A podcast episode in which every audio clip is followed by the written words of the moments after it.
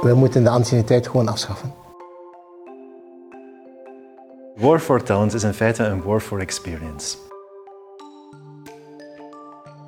Covid heeft de zin van arbeid in vraag gesteld. HR en finance, samen of gescheiden? Daarover gaan we het vandaag hebben in deze aflevering van Deep Dive. Mijn naam is nog steeds Doreen Leijers en ik heb twee columnisten uitgenodigd van FD Magazine en HR Magazine, maar jullie zijn ook nog zoveel meer. Rudy Arnoud en Ralf Kaars. Kunnen jullie jullie zelf even voorstellen? Zoals in het begin van het schooljaar. Begin van het schooljaar zou ik zeggen Rudy Arnoud, eh, professor Corporate Finance, een buisvak. Oké, en aan welke universiteit? Universiteit Gent, maar ook aan de Universiteit HEC Parijs en Vilnius. Oeh, oké. Uh, Ralf Kaars, uh, professor HR aan de KU Leuven, de ESAL Management School en de Universiteit Saint-Louis. Uh, en columnist voor HR Magazine. Oké, ik leg het ineens bij jullie, Rudy. HR en finance, samen of gescheiden? Je zei net dat je niet bent voor getrouwd of gescheiden, dus... Inderdaad, wel, ik denk het grote probleem is dat wij vandaag nog een beetje het standpunt hebben. De, CFO dan, dat is de financiële manager van een bedrijf, die doet zijn financiële dingen. En de human resources in het oogpunt van een CFO is een kostprijs. De klasse 6 noemen wij dat, de kosten. Hè. Terwijl eigenlijk HR is een, is een asset, zou moeten op de balans staan, maar dat is zo niet. Hè. Dus ik vind dat het belangrijk is dat tussen de HR en de CFO, dat er daar een, een soort overeenkomst komt. Want alles, ieder element vandaag heeft zowel aspecten die te maken hebben met, motivatie als met kostprijs. Dus ik denk dat we zouden moeten proberen de scheiding tussen de twee in elk geval te vermijden. Zijn ze zo gescheiden vandaag, Ralf? Je ziet dat wel. Hè. Ik denk dat uh, als je gaat kijken, je mag een organisatie nooit zien als een soort homogeen gegeven. En er zijn altijd eigenlijk heterogene onderdelen uh, waarin mensen tegensteld belangen hebben. Hè. Uiteindelijk gaat het altijd over er is een bepaalde som aanwezig aan geld in de onderneming en die moet besteed worden. En marketing heeft projecten, HR heeft projecten, logistiek heeft dat. En dan moet er eigenlijk altijd een soort beslissing genomen worden wie gaat dat geld nu krijgen. En dan komen de finance mensen natuurlijk in, uh, in, in beeld. En dan moet je eigenlijk hopen um, dat één, dat we dat goed becijferd hebben. Hè. Dat moet HR ook nog uh, vaak doen. Uh, proberen te zeggen, oké, okay, goed, dit gaat uh, de kostprijs zijn en dit is wat je ervoor gaat terugkrijgen. Als we dat niet berekenen, ja, dan gaan we het verliezen natuurlijk ten opzichte van logistiek of R&D, want die berekenen dat heel duidelijk wel. Hè. Als je weet, dit is de kostprijs van een machine, dan weet je, oké, okay, goed, dat is de opbrengst. Dus dat moeten wij ook doen.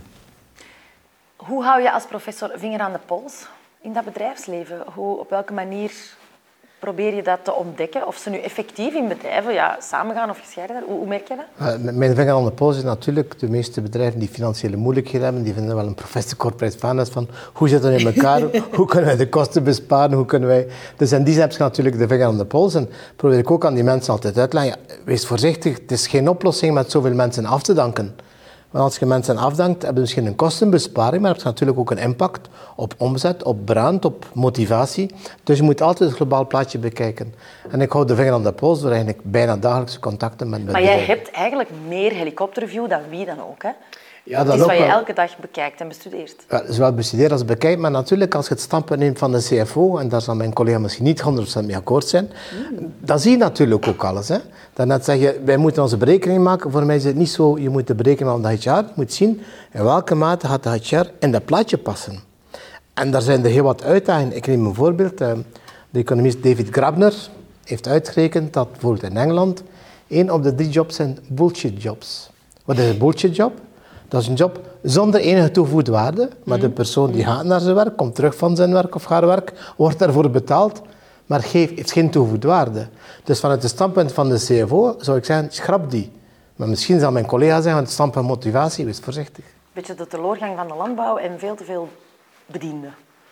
Wel, inderdaad, maar ook het feit dat men niet in kaart brengt wat is de toegevoegde waarde. Dus, ja. dus de vraag is van iedere functie, wat is de toegevoegde waarde? Als je dat niet in kaart brengt, ja, dan kan je het verschil niet tussen ballast en de mensen die echt bijdragen. Dat betekent dan niet dat je die mensen moet afdanken, je kunt ook een herorganisatie van je bedrijf bekijken. En hoe, hoe doe je dat, de productiviteit van mensen in kaart brengen? Dat is een, uh, ja, mm, het is te zeggen, je kan dat eigenlijk wel. Er zijn heel veel modellen voor. Hè. Wat men ook heel vaak doet, is natuurlijk gaan kijken, stel dat we een bepaald talent zouden verliezen en moeten gaan vervangen. Hè. Hoeveel kosten gaan we dan maken om die persoon te gaan vervangen? Hè. Je kan ook bijvoorbeeld gaan kijken, dan doet men bijvoorbeeld tie strength analyses om te gaan kijken hoe is iemand verbonden met anderen, welke invloed heeft hij dan op anderen en hoe zou het dan de productiviteit gaan beïnvloeden mochten we deze persoon kwijt zijn. Dus op zich kan je die berekeningen zeker wel maken, kan je dat in geld gaan uitdrukken. Wat ik eigenlijk Rudy ook uh, hoor zeggen, en dat vind ik heel fijn. Hè? Want uiteindelijk, um, als wij bij, bij finance aankomen, dan kan je inderdaad zeggen, oké, finance kijkt naar die mensen als kostfactoren. Hè? Um, we hopen altijd dat de CFO ook al iets verder denkt en denkt van ja nee, dat zijn misschien ook opbrengsten. Hè. Je kan zeggen, hè, als je zelf bijvoorbeeld moet gaan bepalen, uh, je moet een schilder laten komen om, om je gevel te verven. Dan kan je zeggen, ah ja, ik kan iemand heel goedkoop vragen hè, en die kan het misschien zelfs in zwart komen doen en kan niet zoveel betalen. De kwaliteit gaat ook niet zo goed zijn. Of ik kan echt een topper laten komen en die verf gaat er jarenlang op plakken. Dan kom je in die twee modellen terecht. Hè. Ik ga hier heel veel betalen met hoge productiviteit. Ik ga daar wat minder gaan uh, betalen en misschien valt het ook een beetje uit elkaar. Hè. Um, ik denk dat we vandaag zeker moeten oppassen voor een kostenbenadering. Er bestaat zoiets als we noemen bedrijfsanorexia. Organisaties die proberen om altijd maar te stroomlijnen tot een punt dat je eigenlijk te weinig wensen hebt om het werk nog te doen. Mhm. Er komt heel veel werk bij heel weinig mensen terecht die wel een dik loon krijgen, dat wel, um, maar die dan uitvallen wegens burn-out enzovoort. En heel die organisatie valt uit elkaar omdat je eigenlijk te smal bent geworden. Ja, dat zijn de mensen die dan zeggen van ik doe de job van drie. Ja, bijvoorbeeld. Ja. En dan hopen we dat we CFO's hebben die dat inzien dat dat misschien niet de bedoeling is. En die denken, oké, nee, goed, met een bredere bezetting kunnen we misschien eigenlijk een hoger rendement gaan halen dan proberen om die kostprijs te gaan besparen. Maar de CFO is toch gevoelig, Rudy, aan het argument elke nieuwe persoon die we moeten aannemen, moeten we weer opleiden. Dat kost weer geld. Daar zijn ze toch gevoelig aan. Dat klopt, maar zonder mensen kunnen we dat niet produceren. Dus je moet daar een evenwicht zoeken. En het tweede ook, we hebben nu gezien met corona. Hè. Corona was een perfecte alibi voor veel bedrijven om af te staken. Ja, ja, de anorexia, zegt. Hè. Maar dan komt de activiteit weer op gang. Mhm. En dan moet je toch nieuwe mensen aantrekken. En dan kom je terug op jouw argument, want die mensen moeten opnieuw gaan opleiden. Dus eigenlijk, het kostenplaatje is misschien al positief als je het bekijkt op korte termijn, één jaar. Maar het scheelt niet vast als je het bekijkt op een langere periode.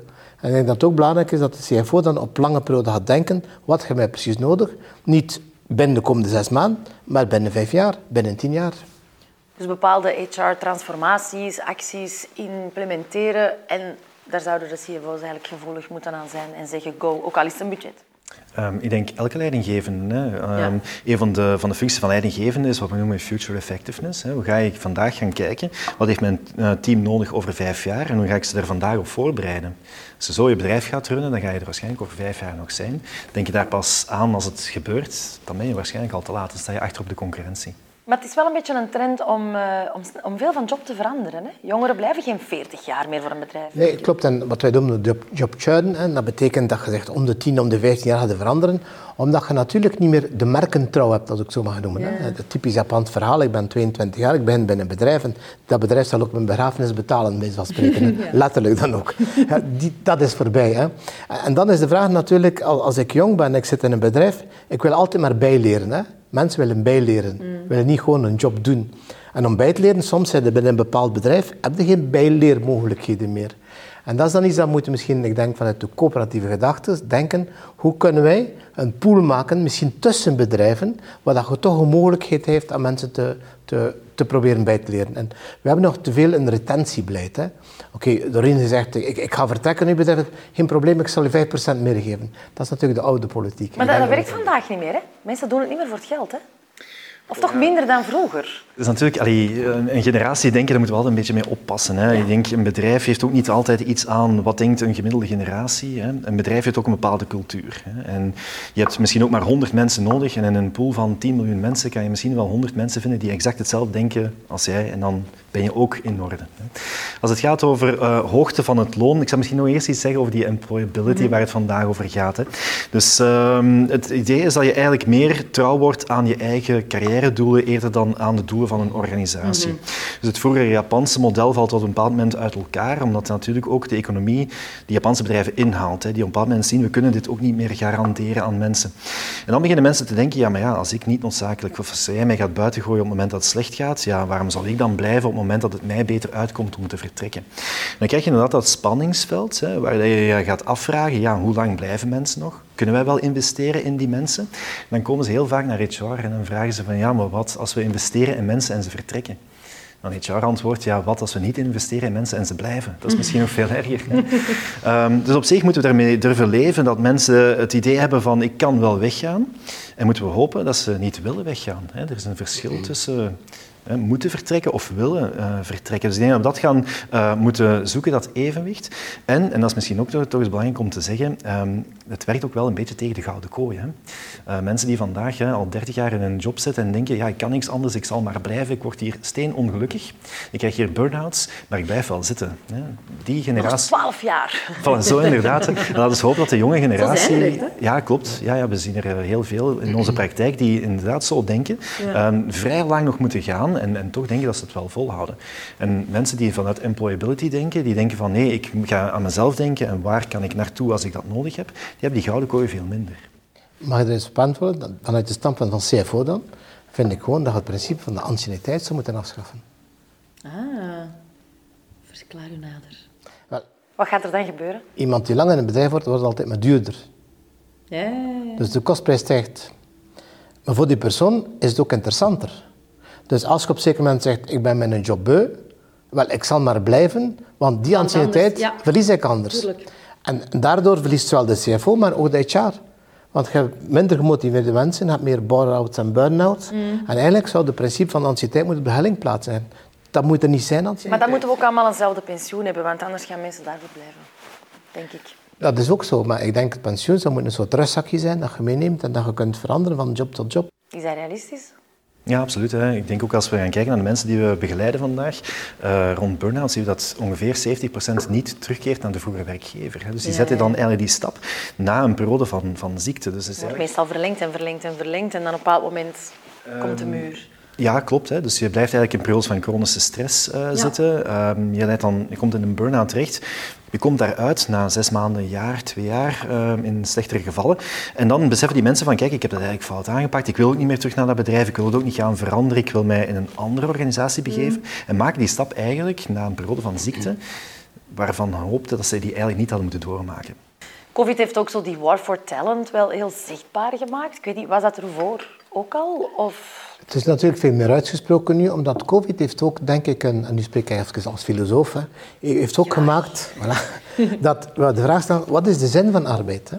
Waarom werken wij? Moeder, waarom werken wij? Dat is de vraag. Hè.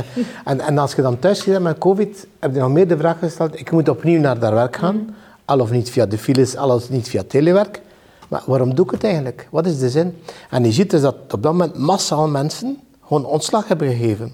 En zelfs veel mensen, en vooral dan in Amerika, hebben een ontslag gegeven zonder dat ze iets anders in de plaats hebben. Ja. Dus COVID is eigenlijk ook een push geweest van ik doe niet meer wat, wat ik moet doen voor de werknemer, gewoon voor mijn, voor mijn salaris. Ik doe iets anders.